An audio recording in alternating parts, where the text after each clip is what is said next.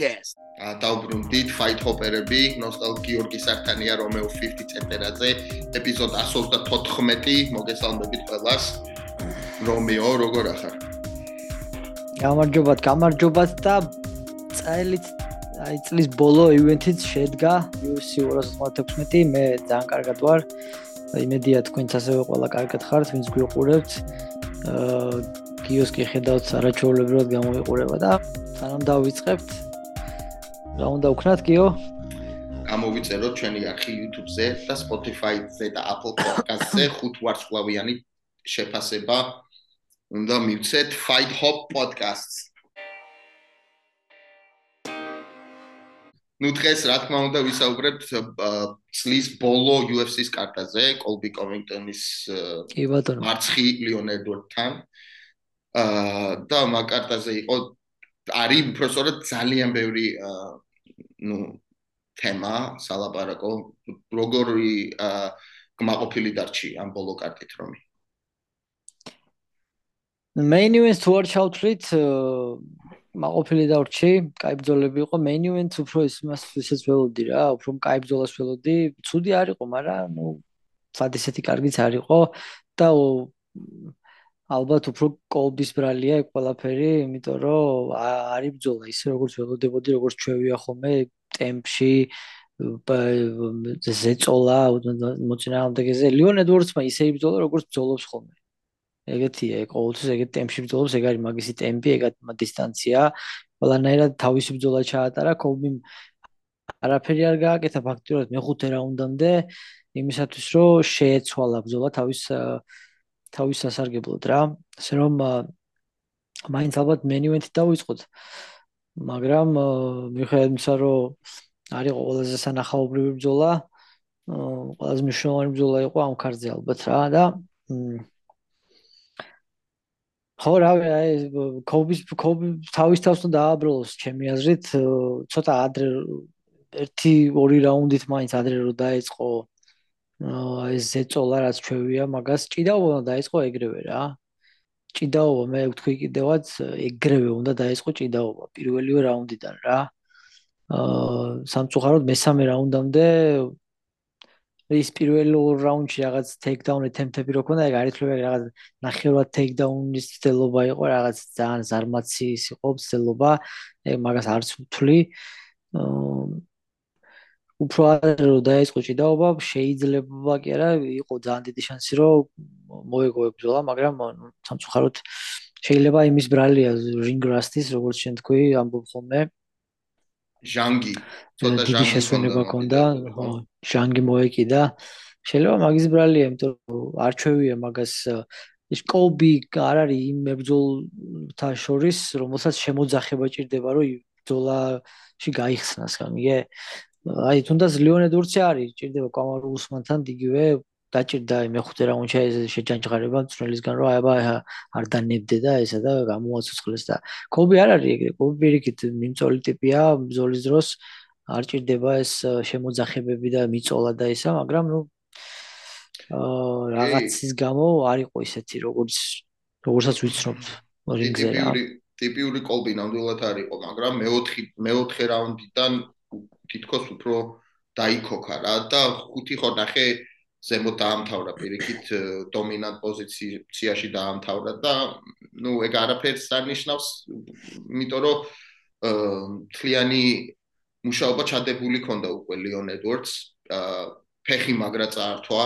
ძალიან აქტიურად მაგრა გამოიყენა ფეხი დაუზიანა ძალიან შეიძლება მაგასაც მაგის ბრალიც არის რომ ნაკლებად აქტიური იყო კოლბი იმიტომ რომ პრაქტიკულად ფეხი წართმეული ქონდა აი ჩანდა დაჟე რა და იმაზე რას ფიქრობ აი ამ ანტიკეზე რა პრესერზე რო რეებიც იბაზრა და ამ თავისი ნუ ახლა მაგაზე რა უნდა იფიქრო გიობა რა შეიძლება თქოს აა კარგია ეს შოუ კარგია ადრეც მithქვამს მე ამდენჯერ მაგრამ ყველაფერს აქვს თავისი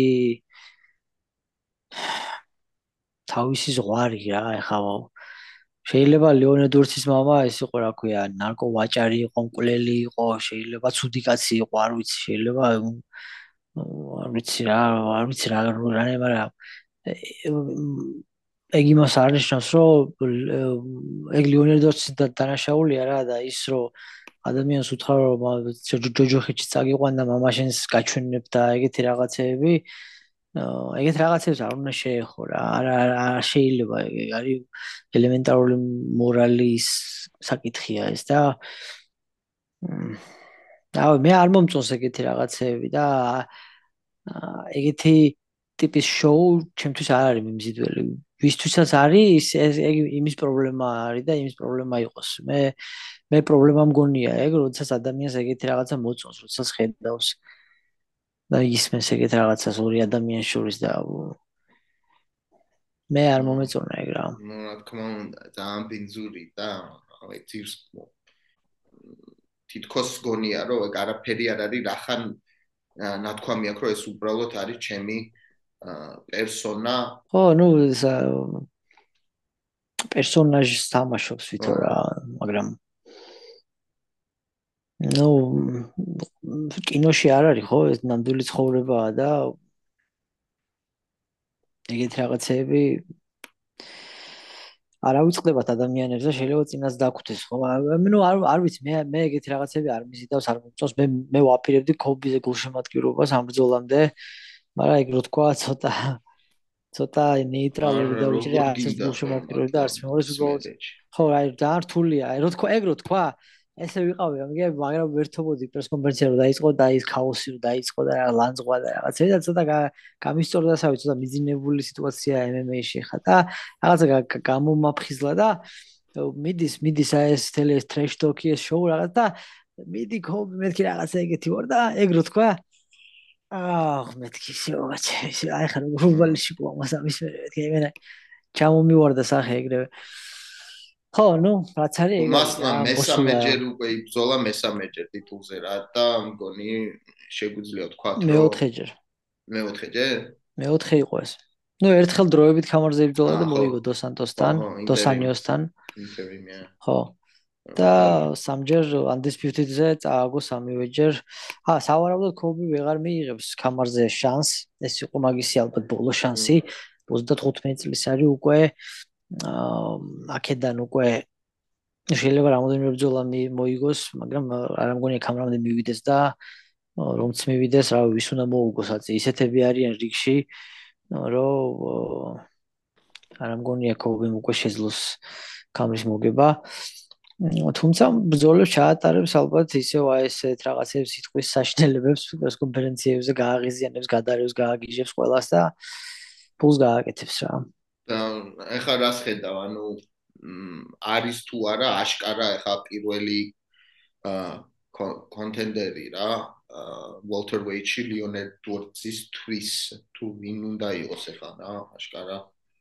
აა ზოლა რა ლიონისთვის კამრის დაცვა. ალბათ ნუ რავი ბოლელ მაჰამედ ხო?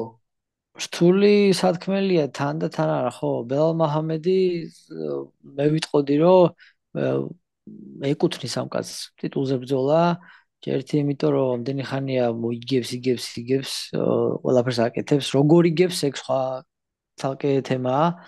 იგებს ბრძოლებს. აა და მეორეც მაგათ დაუნთავრებელი ბრძოლა აქვს და ის მაგათ მაგათ შორის ერთხელ შედგა ბრძოლა ედვარდსა და მოჰამედ შორის. და თვალში თითი მოხდა შემთხვევით გახსოვთ ალბათ მოჰამედს ედვარდსის თითი და გაჩერდა ბრძოლა no contest-ი დაერქვა და ეგ ბრძოლა დასამთავრებელია ასე რომ ამაზე მეტი გამოკვეთილი რა ვიცი აბა რა გინდა? და გამოკვეთილია აბა რა არის. ოკეი გამოკვეთილია მაგრამ ნუ რაღაც თითქოს რაღაცნაირად აშკარა აშკარა არ არის რა ანუ იმას არ უკეთებენ რა. იმიტომ რომ ვარსკლავი არ არის. ხო რა ანუ არაწვებიან რა რაღაც რო გააშუქონ რაღაც აი შემდეგი რო ანუ UFC-ს ხო იცი როგორ უყარს რომ მზადა აქვს ყველაფერი რა რომ დასრულდება ხო რა არა რა არის მეორეც მზადა არის რა შემდეგი რა. არის კატეგორია ადამიანების არის კატეგორია ადამიანების ხო? ისეთი ხასიათი აქვს ისეთი ხასიათი აქვს უბრალოდ რომ აი აი ეს ვარსკლავობა მაგაში არ ზის და რაღაცან რაც როგორც უნდა მიაწვე და პრო მარკეტინგი გაუკეთო და იქიდან მოუვარო, აქედან მოუვარო და პიარი ჩაუტარო და მთელი ესა არ გამოდის რა. ეხა ბელალ მოჰამედს ისეთი ისეთი პერსონალიტი აქვს, რომ ვერ ვერ მო ვერ იმასიზა მაგ ადამიანს მე მეტი მეტი მაღლა ვერ აწევ ცნობადობით, იმიტომ რომ აი არ არის ეგ ტიპი რა. თვითონაც არ იმაშობა მაინც და მაინც არ ცდილობს თუ რამე ცდილობს არ გამოსდის ეხა ეს სათვალით რო იჩითება ხოლმე მეებზე რა ქვია აწონებს და რაღაცა ვითო რაღაცა ცდილობს მაგრამ ნუ არ არის ეგ ტიპი რა არა უშავს ყველა ყველა ვარსკვლავი ვერ იქნება. ზოგი უბრალოდ ძლიერი მებრძოლია და ეგეც საკმარისია ეგეც საკმარისი უნდა იყოს წესით. აი ეს მაგისთვის უყურებთ ჩვენ სპორტს, რომ ნახოთ ყველაზე მაგარი მებრძოლები ერთმანეთში დაჯახებული ხო და დაწყვილებული. იქ მეორე ხარისხოვანია ჩემთვის უკვე ვინ უფრო მეტი ცნობადობა ვისა აქვს და ინსტაგრამზე მეტი ფოლოვერი ვის ყავს და მაგაზია გადარეული დღეს მთელი მსოფლიო და ეგ ბოლო ბოლოს მაინც არ არ მაინტერესებს მაგრამ რა იქ გალიაში მაგას უკვე აღარ აქვს მნიშვნელობა და ასე რომ კი ველა მოჰამედი მივიტყოდი რომ დამსახურებულად მოდი შევატარო. ნომერ პირველი კონტენტერი. და ეხლა მე მეორე სახელს ვიტყვი, იგივე კარტაზე იყო რა თქმა უნდა დღეს და მე მგონია რომ ამ კაც ამ კაც უკეთებენ წოლას, ანუ they pushing him. ხო. დაუმარცხებელი 18 და 0-ზე ავიდა დღეს. და არის რა იმ 18 ფინიში. ხო, და ყველა დამთავრება შავკატი, შავკატ რახმანოვი. ვერ იტყვი ეხლა შავკატს რო რაღაც პერსონალი პერსონალიტი აქვს შავხატ. შავხატი, ხო? შავხატი. მე ქართველი ვარ, ძმაო და ხვები არ მიჭირს. უბრალოდ ინგლისურად რო კითხულობ, ხო აზე ხარ შავხატ? ოკეი. და ანუ შავხატ ან შავხატ რა. შავხატ, ხო, შავლეგ, შენი შავი შავხატ. და რას ფიქრობ, რომ აპირებენ უფრო მიწოლას და იმსახურებს თუ არა, რახან ესეთი ესეთი უფრო დამამახსოვრებელი მოგებებით მოდის წინ შავხატი ყველა დამთავრება აქ. ხო, შავხატის შემთხვევაში სხვანაირად და საკმაოდ შავხატი უფრო 50-50-ია, იმიტომ რომ შავხაზაც არ აქვს ახლა ის ქარიზმატული ის არა ქვია ხასიათი და რაღაცა, მაგრამ ზოლის სტილი აქვს ისეთი, სუ ფინიშები აქვს, ფინიშები უყვართ ძალიან ყველა პრომოუტერს აბსოლუტურად და მაგით მაგის გამო ეგ არის მთელი ჰაიპი, რომ აი 18 ბრძოლა, 18-ვე ფინიშით მოგებული მესამე რაუნდამდე არ არის მგონი მისული არაზროს. აა ნუ ამის ამის გამო ზუსტად არის ეს ჰაიპი, მაგრამ ჯერ მაინც ადრია მოგებ. ან შეიძლება გამოვიდეს. ხო და ანუ ზორასანკო ვისაწვევა არ ვიცი, მაგრამ ჩემი აზრით დღევანდელი, მაგრამ კაი კაი ბძოლა ჩაატარა, ნუ საერთოდ მეთოდურად მოიგო ძალიან რაც უნდა გაეკეთებინა ყველაზე უსაფრთხო გზა აირჩია და ფინიშამდეც მივიდა მეორე რაუნდში. და ტაშის მეტი არაფერი არ გუმართებს მაგრამ 41 წლის Wonder Boys-თან მოგების შემდეგ ახლა ტაიტლშაც ჩემი აზრით არ არ უნდა მიიღოს, როცა თუმცა თუმცა ბელალ მოჰამედის ნერი ადამიანი ამდენი ხანია რიგშია, ხო ის კაცი მართლა ახლა სირცხვილია ბოლო-ბოლო ხო და როგორ როგორც მერაბია თქვა და ახლა ხო ამდენი ხანია იგებს იგებს და არ აბრძოლებენ ტიტულზე, დაახლოებით ეგრეა ბელალ მოჰამედიც რა. მე პირადად ერთ იგივე პოზიციაში არიან უბრალოდ.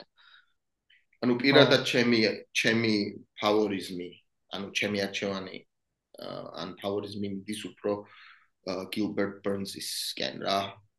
ვინც არიან ახლა მანტრა. მაგრამ ვიცი რომ ბელალია წესით უნდა იყოს ალბათ ახლა თუ მართლა ისე მსჯელობ რომ დამსახურებით. ბიჭო ზოგჯერ ეგრე რა ბელალია. ზოგჯერ მგონია ზოგჯერ ზოგჯერ მგონია არა გილბერტ ზოგჯერ ისეთ რაღაცას მეტყვი ხოლმე რომ აი მენა მთელი ენერგია მიცლება სხეულიდან რა გილბერტ ბერნსმა ბოლოს ვის ბოლოს ოდის იბძოლა.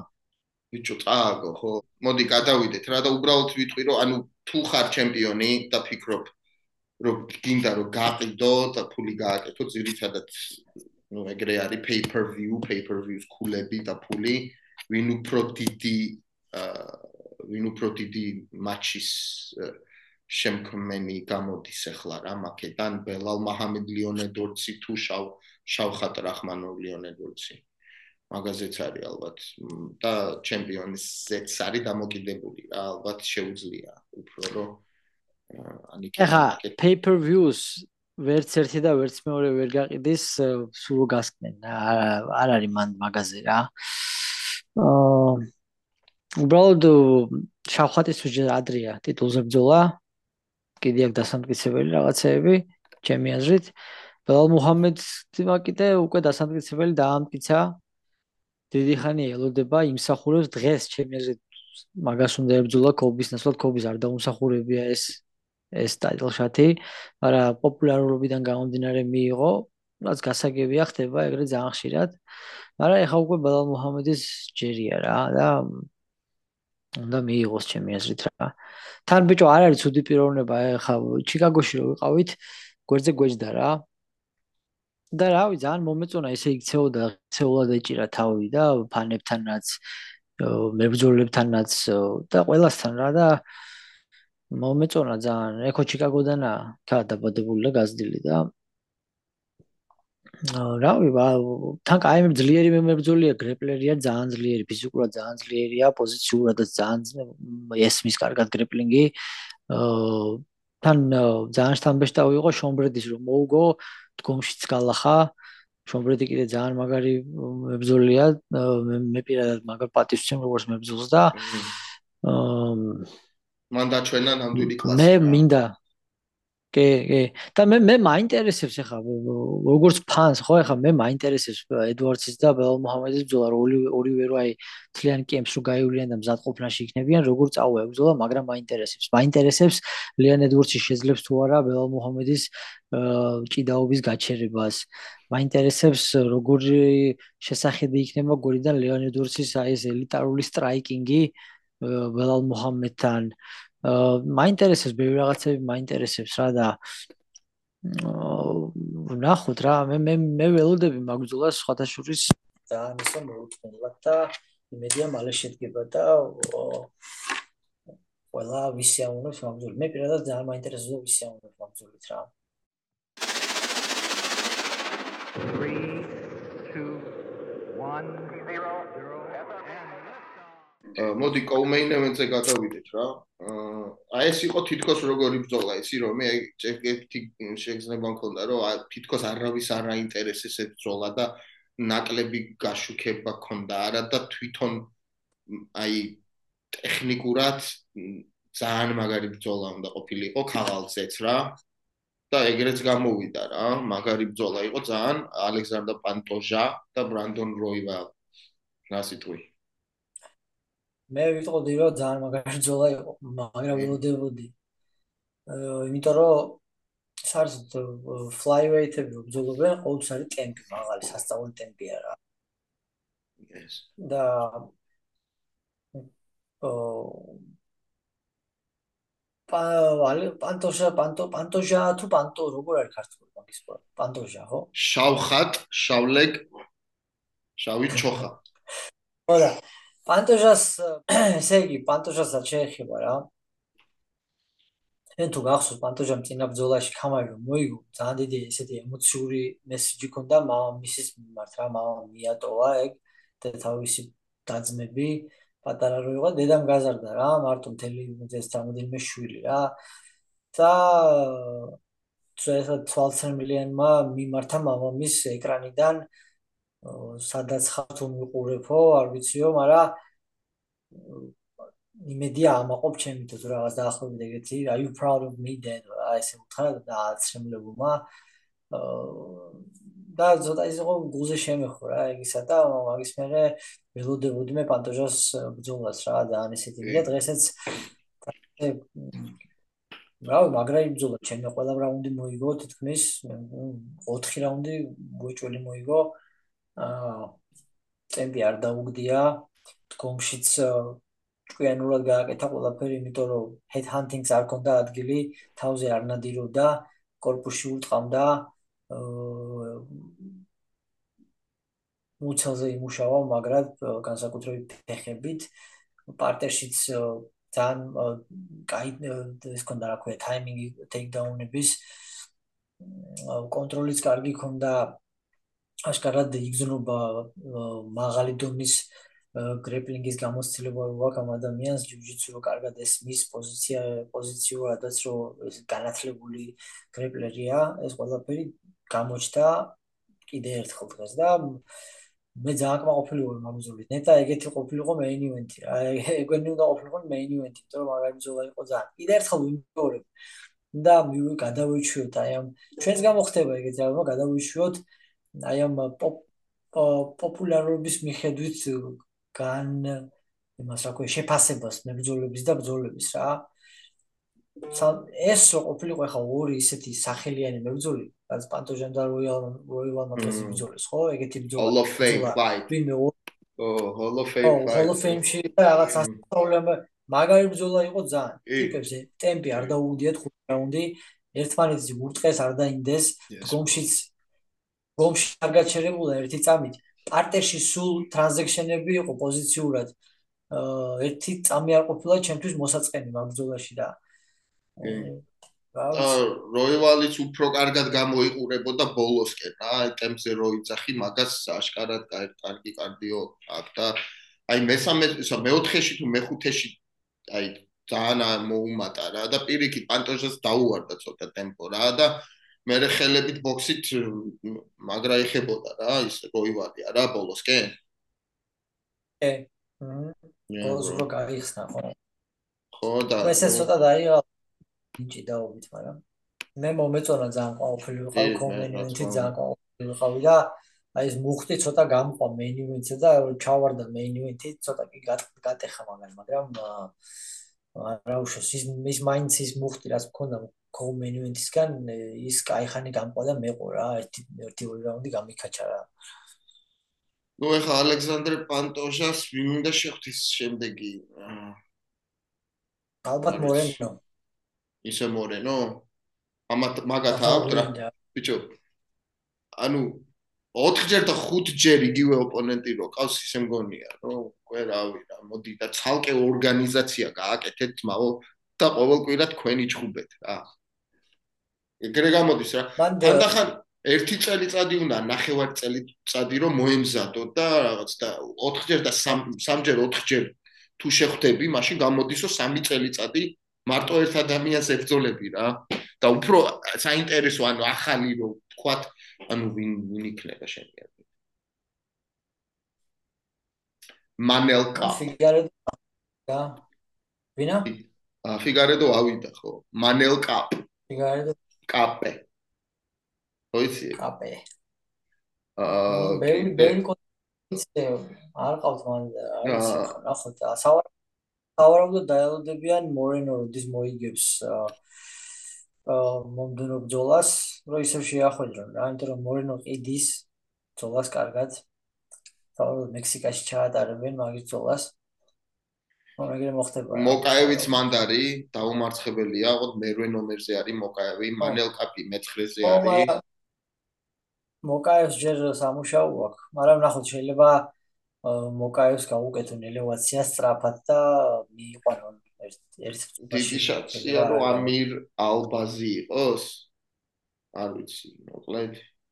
აკაც არ არის ნახოთ მან ო მან ცოტა პინტათა საქმე იმიტომ რომ მანდაც არ არის გამოკვეთილი ესე ცოტა ცოტა ქაოსია მან იმიტომ რომ ერთი პერიოდი თუ გახსოვთ UFC აპირებდა სადაც მოეშორებინა ეგ პოინტ კატეგორია მე რაღაცები შეიცვალა. მე იმედი მაქვს რომ შეინარჩუნო როდ ტალანტს დაამატებენ და გააფართოვებენ უფრო რა. იმიტომ რომ UFC-ში ცოტა, მაგრამ ისე სხვა ქვეყნებში არის 125 პაუნდში ტალანტი და უბრალოდ შესაფუთია ეს ისე კარგად რომ მოიყვანო უნდა UFC-ნდე და გაუკეთო უნდა მარკეტინგი ისე რომ ხალხი დაინტერესდეს უფრო რა. იმიტომ რომ რეალურად ყველაზე მაღალ ტემპში ეგენჩხუბობენ და ყველაზე ტექნიკურად გამართულად ეგენჩხუბობენ.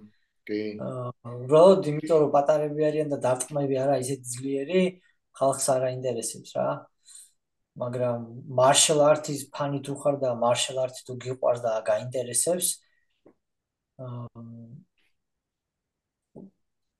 ეგ ეგ ყველაზე მაგარი საყურებელია ჩემ ჩემი აზრით. მე დივიზიონი გააშენისთვის რა ანუ ალბათ ალბათ მაინც ვიტყოდი რომ აი გააშენე რისთვის უყურებ მას რა ბრძოლს ან შეიძლება როგორ ხაზე დღე აი ხა მაგალითად შეიძლება დღეს ეს ხასიათი ვარ მინდა რომ დიდები დიდი ტიპების ჩხუბები ნახო სადაც ფინიშები და ნოკაუტები და ბრუტალური ისინი იქნება ხვალ შეიძლება ეს ხასიათზე ვიყო აი ესეთი ბრძოლა მინდა რომ ნახო ცოტა უფრო დავალ ზონაში 25 წუთის განმავლობაში აი ეს back and forth აი რაღაცა action-ი რო იყოს რა სხვათა შორის ბრუტალურ ფინიშზე გამახსენა დღეს იყო გახსნითი ბრძოლა პირველად იყო რაც მე UFC-ს უყურებ, რომ აი მართლა შევშინდი ცოტა რა.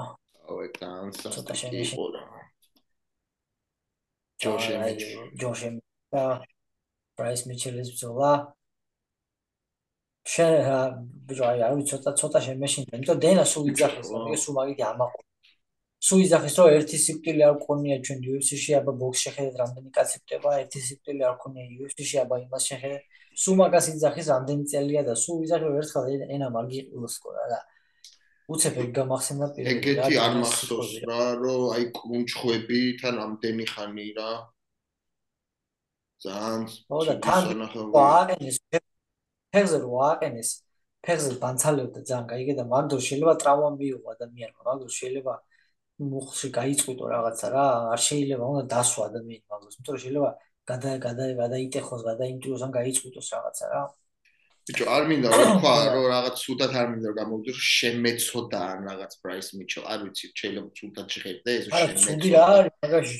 ბიჭო, შემეცოდა ხო, იმიტომ რომ ძალიან დიდი და ძალიან ძალიან ძირფაუთი იყო რა ძალიან. ორა მართლა არ უსურვებდი არც ერთ მებძოლს რა ეგეთ რამეს. ნამდვილად არ უსურვებდი რა. ხო გიო უბრალოდ რა არის იცი სულზეც არ არის ხა ეგ ეგ ნაწილია სამწუხაროდ თუ სასიხარო თუ როგორც არის ამ მესმის მესმის და კიდე კაი რომ მართლა ესეთი რავი ხშირად არ ხდება რა და და დაგამახსოვდება ცხოვრების ბოლომდე ეს ნოკაუტი ხო ეგრეა ფაქტია. ე ხო და აქედან გამოსვლა ეგეთი ნოკაუტის მერე ძალიან რთული იქნება.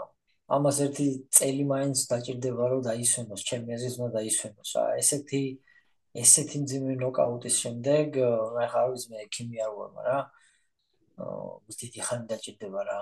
და ეს არისო პრობლემები ამბავი. ხო და მე გიგა მიწერა რა, Twitter-ზე მგონი X-ზე, ანუ რომ მოდიო თებერვალშიო ეს გიგასთან იყო დანიშნული რა სანამ მიიღება ტრამას გიგა და თებერვალშიო და რავი რა რავი რა ნუ სტილისტურად მაინც გონია რომ გიგასთვის აი ბზოლა რა თქმა უნდა. მაგრამ ამას რომ ნახავ ესეთ რაღაცას. მართლა ბრუტალური სტილისტურად ჩემი აზრით, სტილისტურად ჯოშ ემეტი არავისთვის არ არის კარგი, იმიტომ რომ ეგეთი ძალა რო გაქვს ხო, თუ დაიჭერხი კი ბაზარი არ არის, მაგრამ თვითონ ახ ფიზიკაში, დისტანციაში თან ესა ჭიდაობა უყარს სტილისტურად მაინც კაი მგონია და და ილიანა შესაძლებელია ხუთი რაუნდი რო ეგრეგე ჩაუტარა ამის მერე ხო ყაზე ხა შესაძლებელი კი არა ილია სტანდარტია ხა ილია ეგეთ შეცდომას არ დაუშვებდა. როგორც დაუშვა ბრაის მიჩელმა რა. Ну სხვა დონეა მდგომში ახლა რა თქმა უნდა ბაზარი არა levels to this game. Um კიდე ამ კარტაზე ends up. სტივენ ტომსონ სარაზოს არა აქვს ხოლმე ხედები ზემოთ სუპერმოთ აქვს ხოლმე და სტივენ ტომსონი რა დისტანციაც სტივენ ტომსონი რა დისტანციიდანაც გესვრის ტყუებს იმ დისტანციიდან თუ გინდა შეიძლება შალახოვიც ეკო და ისე იჭყუო რა. აგე მაგრამ ხო ხო არის ეფექტური ზადო მაგ სტილში ძალიან ხო და მაგას ვიძახი ისეთ დისტანციიდან გებძვის და სტივენ ტომსონი ჯებს კი არ გესვს სტივენ ტომსონი გიწყავს ფეხს ჯების ნას და იმ ფეხს ორჯერ მეტი სიგრძე აქვს ვიდრე ჯებს და სანამ შენ იქამდე მიაღწევ მაგის ყბამდე შეიძლება ეს რა ქვია მეორე ჩხუბი დაგინიშნო მანამდე რა. მაგრამ ყბასთან მისვლა არ დაჭირდა შავხაც და ხო მოახერხა მოგუდა და ეხლა უკვე დიდი შესაძლებლობაა რომ შავხაც მისცენ ან მართლა გილბერტ ბერნი ან რავი უსმანი ან კოლბი არ ამგონია რომ მისცენ მაგრამ შავხატი მართლა იმსახურებს წინ დაწინაურებულ მებრძოლს. ხო? მე მინდა ვიხილ მე ტოპ 5-ში შავხატის წინააღმდეგ. კამარო უსმენ ბელალ მაჰამედ, კოლბი კოვინგტონ, გილბერტ ბერნს. That's it. კამარო უსმენ, კოლბი კოვინგტონ, გილბერტ ბერნს და ვინ? ბელალ მაჰამედ. არა, მოჰამედზე მოდი შევთან. ეკაცი ტიტულზე იჩხუბებს. ხო და მაშინ გილბერტ ბერნს, გილბერტ ბერნს არის ეკაცი, ნო. მაგბზოლას აიღებს გილბერტ ბერნსი მაგარი არის. გილბერტ ბერნსმა ბოლო ბზოლა წააგო. კამარო უსმენმა ბოლო ბზოლა წააგო. კობი კაუნგზმა ბოლო ბზოლა წააგო. შემდეგი ვინ არის, ვინც მოიგო ისეთი ბოლო ბზოლა? ლიონ ედვარდსიც ბოლო. ჩემპიონი. ანუ მაგის ქვეშ შონ ბრეიდი. ო, თუნდა. შონ ბრეიდი. მაგრამ უკან რატო უნდა მიცე ბრეიდი? ხო უკან არ უნდა წავიდეს შავყატი, იმსახურებს წინსვლას რა. მაგრამ კი სად უკან, სადღა შონ ბრეიდი არის ისა მეშვიდეზე რა, შავხატი არის მეხუთეზე. ო, ო. ნუ მაშინ ვივა პრინციპში კოლბი საჭხუა რა, რა პრობლემაა? ბიჭო კოლბი ხო იცი რა მასტია, კაიხანი წავა დაიკარგება ალბათ, არ ვიცი. არა, ეხლა თქვა ბზოლის მერე რომ მალევე მინდა რომ დაუბრუნდე შესვენებას არ ვაპირებო რა, აქტიური მინდა ვიყო და. გილბერტ ბონსი უბრალოდ გილბერტ ბონს ბიჭო რატომღაც არავის არ აღვქონდი მაგწონის მებრძოლად რა. გილბერტ ბონსი მა დაიწყო ბრძოლა ლაითვეიტში 70 კილოში და ჩემს უნდა დარჩენილი იყო. პატარა ამ წონისთვის რეალურად ჩემი აზრით რა. ისევე როგორც მასვიდალი იყო პატარა ამ წონისთვის. ისევე როგორც ნეიდიაზი იყო პატარა ამ წონისთვის არ არ არ აღვიქო ნატურალურ 77 კილოგრამიან მებრძოლად მაგათ რა. მ. და უფრო აი არ ამგონია ჩესნი აი როგორ ვთქვა სამართლიანი რომ მაგათ ეგე მაგათ უწევთ ამ ხელებთან დიდები არიან ბიჭო 77 კილოგრამში ცა ხელები არიან მაღლები არიან ძალიან და ეს დიდები და შავხატი 2 მეტრაა თითქმის ჩი. ბიჭო კიდე ამ კარტაზე იყო კიდე ის გამოქლიავებული მასტირვარი ადი პიმბულტონიო თუ რაღაც. ტონის მოგო არა მაგრამ ტონის ტონის პონჩი რა ტონი ალბათ ეხა უკვე ძალიან ახლოს არის რა არ ვიცი რამდენი მოგწაგება უნდა კონდეს მართლა რა სერიაში რომ ბიჭო აი უკვე როგორ რა ვიცი აი მახსენდება რა იყო ტონი ადრე და აღა არც მინდა რომ გავიხსენე, იმიტომ რომ ეხა ისე ბიჭო 40 წლისაა უკვე, აიგე. სამწუხაროდ ჯიუტია ძალიან აღარ არიტეხავს, არიპუებს რომ ჩაიარა მატარებელმა და არიშვება რა და აი ამ წაგ აი ამ ნევს ჩუქნის ბძოლებს უკვე პედის და უკვე პედის დონეზე დაეშვას რა და ძალიან ძალიან სამწუხაროა. არა და მესამე რაუნდში პედი დაღლილი იყო ძალიან. კი, მაგრამ დაეწყო ბოლოს. ვერა ვერადგა. ხო. ეგ იყო აი რო ამდგარი იყო რაღაცნაირად. მე მგონი პედი უკვე მოყომარი, ნუ დაღლილი იყო ძალიან რა. მაგრამ ნუ ბიჭო აღარ შეუძლია რა სისტემის რეაქცია აღარ აქვს. ის პრესინგი არ აქვს. მე რეტონი ისეთი სტილი ქონდა მაგას ბეისიკი მაგას ფუნდამენტური ფუნდამენტალური ისენი სკილები აროს არ უარგოდა ეგ ყოველთვის იგებდა ბძოლებს თავის აი უხერხულობის ხარჯზე. ძალიან დიდ დემიჯს იღებდა ამ პროცესში მაგრამ არ ეპოვებოდა აწვებოდა იქითაც აყენებდა დემიჯს ასისხლიანებდა მოწინააღმდეგეებს და ბოლოს ტეხავდა რა და უკვე აღარ შეუულია ფიზიკურადაც რა ის ის გაიაროს ის ყველა ეს ისა. ეხა მაგალითად ამდენი ხანი ზურგზე ან არ გაატარებდა ადრე ტონი ან თუ გაატარებდა წამოგიდგებოდა ან შენ თვითონ ადგებოდი იმიტომ რომ ძალიან ბევრი სისხლი გექნებოდა სახეზე უკვე იმიტომ რომ ძალიან მაგრა ხარობდა იდაყვებს მახსოვს ბასრი რაღაცა ისინი ქონდა და ყველა ბრძოლის შემდეგ სისხლიანი იყო ხო მოწინააღმდეგე აღარ შეუძლია ახალგაზრდებისა სპორტი. 40 წლის უკვე არ უნდა ბრძოლობდე რა. თუმცა ასეთ დონეზე დაართულია რა. ასე რაც არ უნდა თქვა ხა პედი პედი ახალგაზრდაა ძმაო მაგარი დარტყმა ძლიერი დარტყმა აქვს ჯიუჯიტსუში მაგარია ხა ძლიერია პედი. ხო და 25-27 წლის მაშინ გასაგში მყო ბიჭო ეჩხუბება 40 წლის კაცი რომელიც რომელსაც ამდენი ზიანი აქვს გამოვლილი და ამდენი მილები აქვს დაწერილი ზედ საკუთარ სხეულზე. რას უნდა ელო? მე არ ველოდებოდი სხვა შედეგს. კიდე რომ არ გათიშეს კიდე რა ესე მე ვისურვებდი რომ ტონი აღარ იჩხუბოს მიუხედავად იმისა რომ ერთ-ერთი მაგისი ყველაზე დიდი ფანი ვიყავი რა. კი ნუ მომავალი ახლა არ ვიცი. არ მგონია რომ UFC-მ გაუშვა ტონი და მოჭრა ანუ მაგრამ არ ვიცი ვინმე უნდა აუხსნო ბიჭო არ შეაუნება ადრე მიყვარდა მიხაროდა მაგის ჩხუბის ყურება ეხა უკვე წვალობ რა მახსენდება რა იყო და რაღაცნაირად გული მიჩუყდება არ მინდა რა შემილია ყურება. ბიჭო კოდი გარბრანტის დამთავრება იყო კიდე ძალიან მაგარი ბრაიან კელერთან.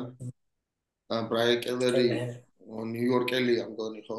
ვიცი რომ მერაბისთან და ალჯოუსთან ვარჯიშობდა და რავი კოდი გარბრანტი იყო მაგარი ბასრი რა.